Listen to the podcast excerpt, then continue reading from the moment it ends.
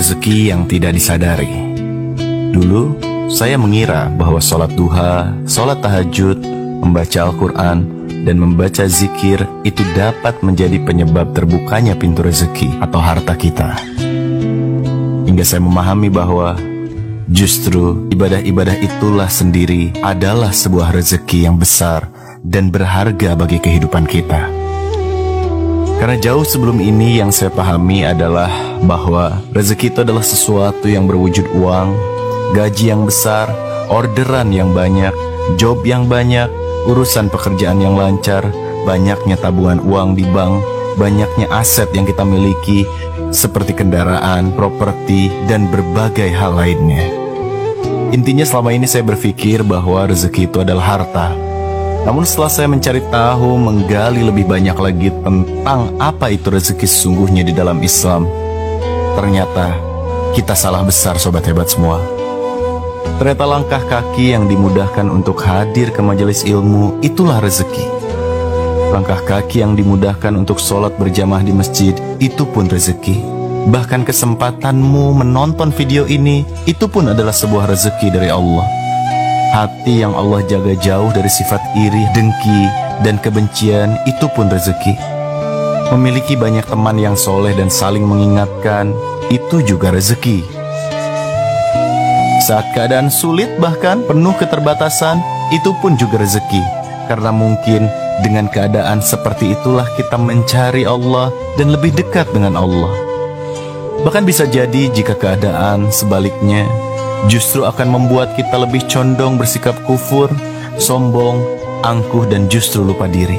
Punya orang tua yang sakit-sakitan itu pun ternyata adalah rezeki. Karena itu merupakan ladang amal pembuka pintu surga bila kita tulus ikhlas mengurus mereka. Tubuh yang sehat adalah rezeki.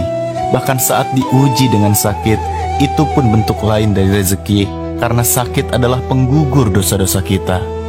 Dan mungkin akan ada jutaan list lainnya bentuk-bentuk rezeki yang tidak pernah kita sadari, apalagi kita syukuri selama ini.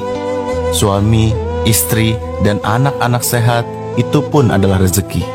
Anak-anak bisa bersekolah lancar, itu juga rezeki. Hidup rukun sama tetangga pun rezeki. Bahkan bila kita mendapatkan WA, Instagram, Facebook, atau bahkan YouTube tentang kajian, tentang tausiah keagamaan yang mengajak dan mengingatkan tentang kebajikan, kebaikan, itu pun juga adalah rezeki. Karena dengan hal itu kita mendapatkan ilmu yang bermanfaat. Sobat hebat semuanya, justru yang harus kita waspadai adalah ketika hidup kita serba berkecukupan, penuh dengan kemudahan dan kesenangan, padahal begitu banyak hak Allah yang belum mampu dan tidak bisa kita tunaikan. Astagfirullahalazim. Seperti yang Allah sampaikan di dalam Al-Quran. Di dalam surat Al-Hadid, Allah menyampaikan. Dan sesungguhnya, kehidupan dunia ini tidak lain hanyalah kesenangan yang menipu. Maka mari bersyukur dengan segala jenis rezeki yang pernah Allah berikan kepada kita.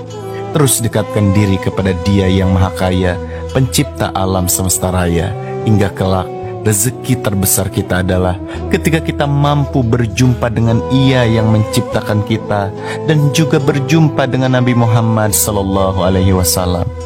Doa saya buat sobat hebat semuanya adalah semoga siapa pun yang menonton dan mendengar motivasi Islami ini, Allah berikan kelapangan rezeki, kebahagiaan tiada tara di dunia dan kelak di surga bersama dengan orang-orang yang kita cintai. Amin ya rabbal alamin.